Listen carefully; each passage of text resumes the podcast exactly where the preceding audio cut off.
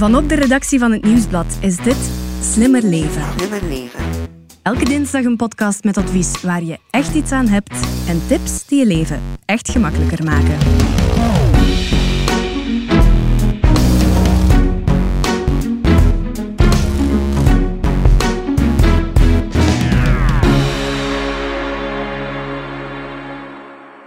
Onze pelouse, de grasmat, het gazon. Voor sommigen moet het perfect gemillimeterd zijn en altijd fris groen. Voor anderen mag het wat minder perfect. Maar sowieso is het heerlijk om op te spelen of op te picknicken of wat dan ook. We helpen je vandaag richting ideaal gazon. Ik ben Elias Meekens en bij mij zit Stefanie Verhelst, de vaste redactrice van deze podcast. Hey, hallo.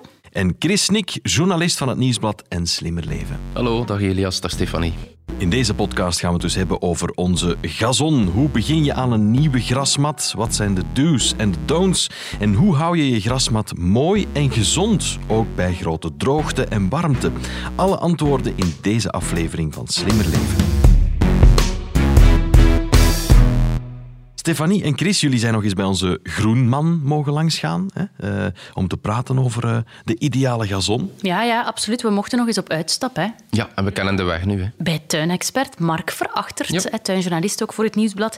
De vorige keer lag de focus op zijn moestuin. Klopt, ja. Nu dus op de grasmat. Die altijd groener is aan de overkant. hè. Ja, maar als je dan bij Mark naar zijn pelouse kijkt, dan denk je toch van, hier gaan we vandaag veel van leren. Ja. Fantastisch en dat komt fantastisch goed uit, want ik verhuis binnenkort en er moet wel wat gebeuren ook aan die Mhm. gazon daar.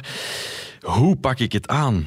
Ja, ehm, wij weten dat nu, hè, Ja, Chris? het, We het zijn- begint al ja, met het moment eigenlijk. Hè. Ja, Ja, je hebt twee kampen. Je hebt de najaarssaaiers en de voorjaarssaaiers. De ene zegt van dat moet in september, oktober. De andere zegt van nee, het voorjaar. Eh, en Mark zegt, het speelt allemaal geen rol. Voorjaar, ja, en vooral dan maart, april, dat zijn zeer groeizame maanden. Hè. Eh, De grond is in regel eh, wat vochtig, de temperatuur stijgt. Dus de zaden die je in de grond strooit, die gaan kiemen, snel. Maar de onkruidzaden die hier liggen, gaan meekiemen. En je krijgt dus een nieuwe grasmat, maar doorspekt met heel veel onkruid. Nu, in regel moet je daar niet eh, bezorgd over zijn, want de meeste onkruiden gaan altijd mooi recht omhoog en die hebben een groeipunt bovenaan. Als je het gras enkele keren gemaaid is, dan verdwijnen die wel vanzelf.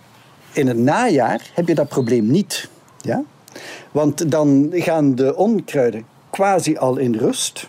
Het opkomen van het gras en het sluiten van de grasmat duurt echter meer weken dan het zaaien in het voorjaar. Het speelt dus allemaal geen rol. Tenzij je niet echt van het geduldige type bent. Dan Ja. eh, zaai je beter in het voorjaar. Oké, maar als ik het goed begrijp, dus als je in het najaar zaait, heb je wel het minste kans op onkruid dan in feite. ja, maar het gaat wel veel trager. Je moet wel langer wachten tot je echt een mooi dichtgegroeide groene mat hebt. Goed, en die grond, eh, moet je dat nog voorbereiden? Of? Kan je dat zaad daar gewoon Ja, in gooien? ja, nee, ver. nee, eigenlijk is het een beetje hetzelfde als bij de moestuin. Herinner je eh, dat je die grond toch echt wel wat kan prepareren, zodat eh, dat die graszaadjes goed gaan groeien? Mhm. Eh, dat doe je het best door daar ehm, eerst compost onder te mengen, onder je grond. En ook een goede startmeststof. Dus toch al een beetje bemesten. Je kan Mhm. dat gewoon kopen in de tuincentra. Eh, dat meng je daar allemaal onder, zodat dat meteen goed groeit eh, en sterk wordt. Mhm. Eh, nu, Mark had meteen ook nog voor ons een, een beetje next level tip. Iets nieuws. Het maar- klonk science fiction Ja, in de pelouse. Maar eigenlijk is het nog wel logisch. Hè? Ja. Iets nieuws wat je sinds kort, sinds een aantal jaren, ook onder je grond kan mengen ter voorbereiding. En dat zijn gelkorrels.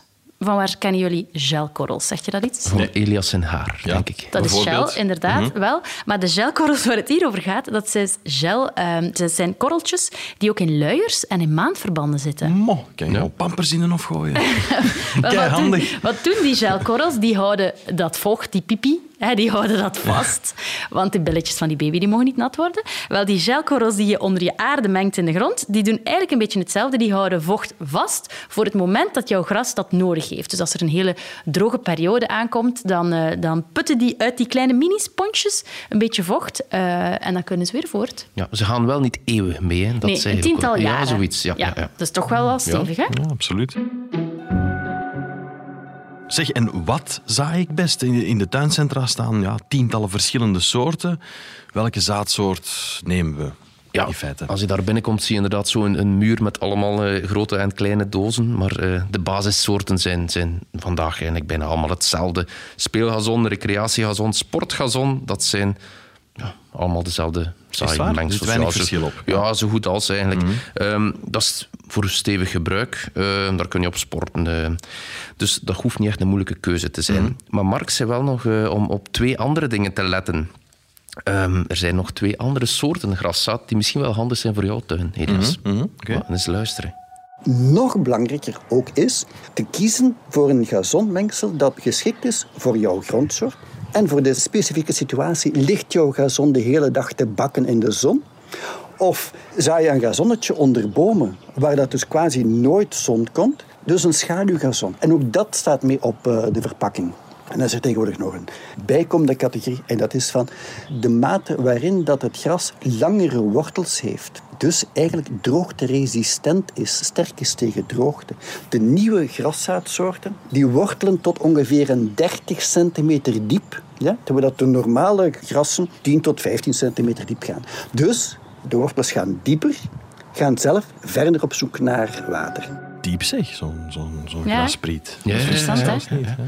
Er is wel één nadeel aan die, eh, die sterke grassoorten. Ehm, dat gras is blijkbaar een, eh, een beetje ruwer. Dus eh, Elias, als je s'morgens op je blote voeten de zonnegroet wil gaan brengen, dan kan dat, kun je dat een beetje voelen. Ik ga het nieuwsblad halen hè, langs de tuin. Ah, voilà, voilà, voilà. Wat hij ons ook nog zei, Mark. ehm, eigenlijk mag je ook niet besparen op graszaad. Dat eh, is soms verleidelijk. Hè? Dan denkt je van, nou, dat kost hier 20 euro minder, eh, dus dan gaan we dat doen. Maar het probleem met het goedkoopste graszaad, dat komt uit de rand van het veld waar ze graszaadjes ja, kweken. Hè? Ja, zo heet dat. Ehm, en die kunnen al een beetje gekruist zijn met de naburige grassen. Dus dat zie je misschien als uw buurman een, eh, een tuinman eh, in dienst genomen heeft voor zijn pelouse. Dan denk je van, waarom heeft mijn buur hier drie weken eerder een schone pelouse dan ik met mijn goedkoop graszaad? Ja, ja, ja, ja, Dat komt uit het midden van dat eh, oogstveld. Dat is gewoon beter zaad. Dus Ja, ja, besparen is geen goede zaak voor uw pelouse. Cool. Ja, want Mark zei eigenlijk... Een tuin of een grasveld leg je maar één keer in je tuinleven aan. Ja, schoon hè? Oké, we hoorden Mark ook nog spreken over droogteresistent gras. Eh, Dan komen we bij water eh, natuurlijk. Eh, Moet je dat eigenlijk elke dag doen, dat sproeien? Want je ziet toch vaak van die sproeimachines. Hè? Is dat een goed idee eigenlijk? Nee, dat is blijkbaar een groot misverstand. Dat is echt geen goed idee. Ik wist dat natuurlijk ook niet. Maar de clue is... Eens je begint met water geven, hè, dus dat nieuw gezaaide plekje grond, eens je daar water begint op te sproeien, dan moet je dat blijven doen. Want anders zitten die zaadjes daar zo naar te hunkeren elke keer en ehm, dan gaan ze dood als ze geen water krijgen. Dus van zodra je dan één dag overslaat, is het... Ik overdrijf nu misschien, maar dat is wel de redenering. Ehm, en vooral eens je begint, heb je natuurlijk liters en liters nodig. En dat Ja, is toch tuurlijk. geen evidente Ja. op dit moment. Zeg, en wat als je nu net gezaaid hebt en het regent niet? Kan dat gras dan nog schieten? Ja, dat kan gewoon nog schieten. Blijkbaar is dat geen enkel probleem. Dat graszaad ligt dan gewoon te wachten in een soort van rusttoestand. ehm, tot het gaat regenen. En dan gaat het wel beginnen schieten van zodra het, het, wat water heeft gekregen. Ehm, maar je kan wel blijkbaar iets doen om die zaadjes in de grond wat te beschermen. Eh, dan ben je zeker, dan ben je gerust. Hè. Luister maar naar wat onze groenman Mark erover zegt. Nu, wat wel ook altijd wordt gedaan, en dat is toch ook wel belangrijk van dat mee te nemen bij het zaaien. Hè, van, ja, je legt het, het zaaiveld mooi klaar, hè, je hardt het los, je uh, stoot het graszaad, hardt het terug toe. Dat werd vroeger ook altijd gedaan, om er dan even met een rol overheen te gaan, zodat de grond aangedrukt wordt ja, en dat het zaad een intens contact heeft met de grond er rond. Daardoor zit het eigenlijk ook al beter beschermd tegen droogte. En is er toch nog een klein beetje vocht in de grond, dan kan het gras toch wel beginnen te groeien. Elias, ik zie het in uw ogen. Veel werk. Het schrikt u misschien wel een beetje af. Hè? Maar, maar, maar, er is gelukkig nog een plan B. Ehm, van die grassodes, van die rollen.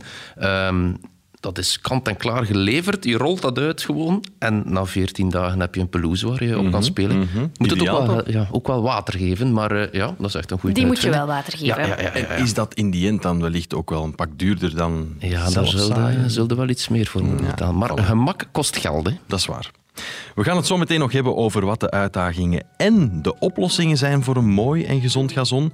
Kale plekken aan een voetbalgoal of nadat er een tijdje in een zwembad stond en droogte en hitte. Hoe ga je daarmee om voor je gras? Dat is voor zo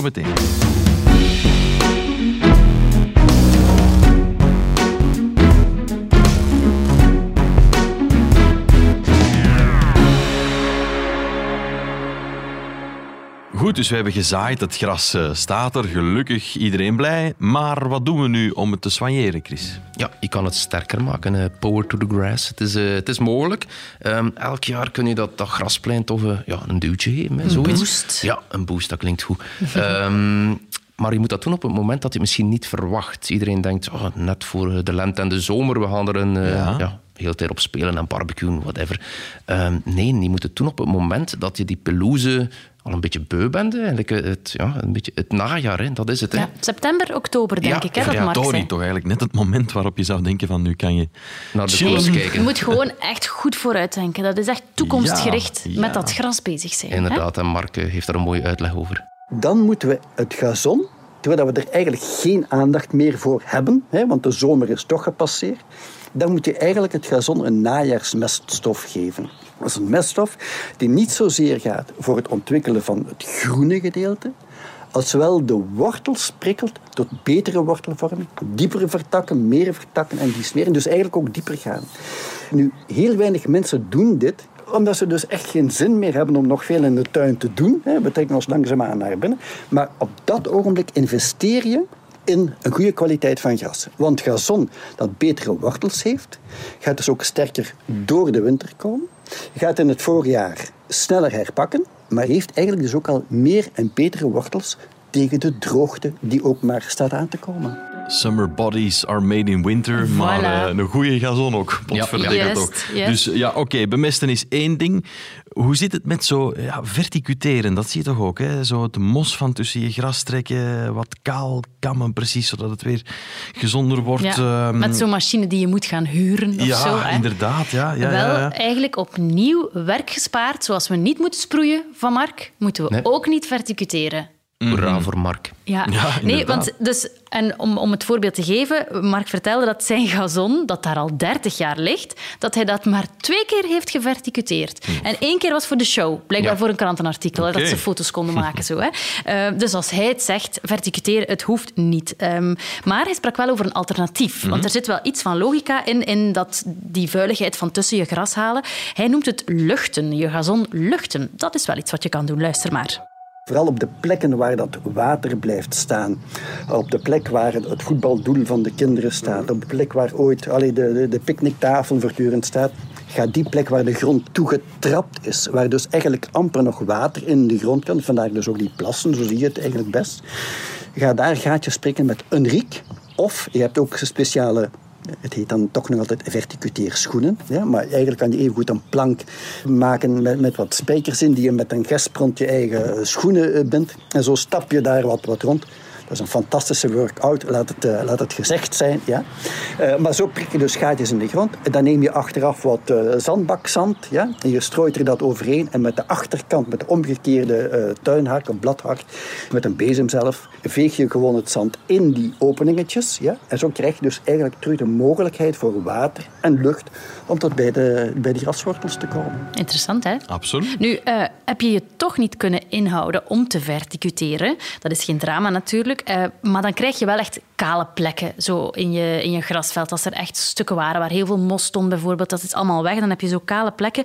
Dan zegt Mark, dan kan je daar wel wat bij zaaien. Gebruik dan wel het best eh, snel kiemend graszaad.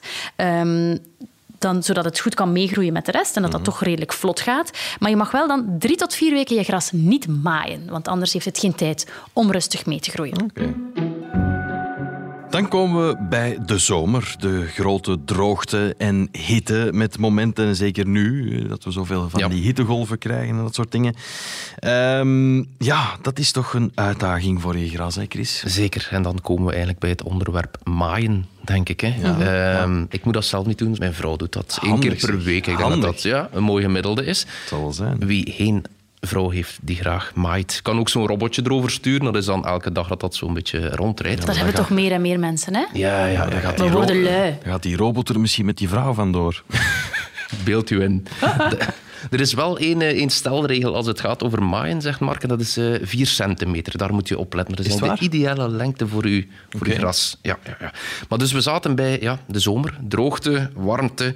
Ja, en dan moet u dat gras eigenlijk niet meer maaien, want uh, het is interessant om te weten dat het toch amper groeit. Dus veel tijd hoef je er ook niet in te steken. Mm. En wil je dan toch maaien, heb je een gigantische maaidrang, om het zo te zeggen. dan zegt Mark uh, dit hierover. Het is toch nog wel belangrijk van op het moment dat een droogteperiode begint, van de grasmaaier hoger in te stellen. Dus van het gras langer te laten. Omdat, en dit kan heel vreemd lijken, lang gras is sterker tegen droogte dan kort gras. De groeipunten van gras zitten, in tegenstelling tot quasi alle andere planten, zitten laag tegen de grond. Het groeit altijd van van onder terug bij. Nu, het langere gras vormt eigenlijk een parasolletje een geheel van parasolletjes over die groeipunten. Houdt die dus eigenlijk beschermd tegen de zon. Maar houdt tegelijk alle kortere grasprietjes ook weg van de zon. En vandaar, ja, dus zeker bij het begin van een hitteperiode, niet maaien op 4 centimeter, wat eigenlijk de ideale lengte is, maar nog liever op 6 en zelfs 7 centimeter. Hij doet het met liefde, dat hoor je. Interessant ook. En dan die verkleuring natuurlijk. De schrik van veel tuinliefhebbers, een roste gele gazon. Ja, ik zag vorige zomer dan een firma die dan uw gazon groen kwam spuiten met een of andere verf. Dat was uh, ja, crazy. Maar de, de, de, doorsnee Vlaming die probeert het anders te redden. En dan komen de sproeiers boven. en Zo die dingen die zo... Pst, pst, dat is, uh, maar wel leuk om door te spelen, hè? Zo ja, ja, ja, ja, ja, om door te lopen zo. Zeker, maar het is overbodig. Uh, het hoeft niet. Ja, zo ene keer sproeien, dat, dat heeft geen nut. Want dat water, dat, ja, dat ziet er wel wat nat uit, die pelouse, maar dat dringt helemaal niet in de grond. Mm. Uh, ja, luister maar naar Mark. Wat zien we eigenlijk dat, dat geel is? Dat zijn die bovenste, die lange grasprietjes. En van onder, laag tegen de grond, zit toch nog altijd dat gras vol van leven. Ja? Dat zit te wachten op, op vocht om, om opnieuw in groei te gaan. Dus water geven, nee, aan zich hoeft het niet. Het gras heeft een heel groot zelfherstellend vermogen. Kijk even terug van hoeveel slechte gazons er voorbije zomer waren. Er waren ze die nu nog. Ja? Ze zijn allemaal terug hersteld. Dus wij maken ons op dat ogenblik veel te veel zorgen. Gras kan echt wel tegen heel veel. Ook geruststellend, hè? Ja, absoluut. Zeg, en geldt dat ook voor de gele plek die tevoorschijn komt nadat er eh, de hele zomer een zwembadje heeft gestaan? Ja, ook dan. Geen zorgen, chill, alles komt goed. Alles komt goed. Een zwembad in de tuin, maak u geen zorgen over, over wat eronder is geweest. Of een tent in de tuin, gelijk welk, welk vakantieplezier er is geweest. Gras mag kapot gelopen zijn, gras mag weggehouden zijn van licht, het herstelt zich. Trouwens, en dat is misschien nog wel een, een, prettige tip, of het nu voor een Valentijn is, of voor een huwelijksfeest, of een verjaardag, of wat dan ook. Je kan in het gras een boodschap creëren. Hè? Dek gewoon een bepaalde letter, een hartsymbool gelijk wat af met karton, met plastic of wat dan ook. Door gebrek aan licht gaat het gras eronder geel kleuren. Neem het weg. Die tekening die is enkele dagen totaal zichtbaar. Tot het, die groeipunten die tegen de grond zitten, dat die terug naar boven komen. En dat je dus terug gewoon groen gras tevoorschijn toveren. Hè. En ik denk dat we bij deze leuke tip meteen bij Dr. Google zijn beland, jongens. Dr. Google. Hoezo? Hoezo? Dat is toch niet hoezo? Het spreekt toch voor zich? Nee. Hoe fantastisch is deze tip? Aha. Pinterest 100% toch? Elias, zo'n hartje in je gazon voor je vriendin. Kom aan. Dat is wel waar eigenlijk, Chris. Ja. Ja, ja, ja. En We trouwens, punten scoren. Oh, veel, ja. Pinterest is één ding. Uh, Mark heeft ook een Instagram-pagina, Mark Verachtert. En daar staan ook allemaal leuke tips op en de artikels die hij heeft geschreven en zo. Dus uh, allen daarheen. En dan kun je een hartje onder een foto van zijn pelouse zetten. Steken we hem zo een hart onder de riem. De cirkel is rond. Voilà. Het hart niet. Super. Chris en Stefanie, hartelijk bedankt. Graag gedaan. Met plezier. Dit was de podcast Slimmer Leven van het Nieuwsblad. De presentatie was in handen van mezelf, Elias Meekens. De redacteurs waren Stefanie Verhelst en Chris Snik. De audioproductie gebeurde door House of Media. De eindredactie werd in goede banen geleid door Bert Heijvaart en Eva Migom. Met ook speciale dank aan onze expert in dit geval, Mark Verachtert. Wil je reageren? Dat kan op slimmerleven.nieuwsblad.be. Als je deze podcast leuk vond, schrijf dan gerust een review op je favoriete podcastkanaal en zo toon je ook anderen de weg.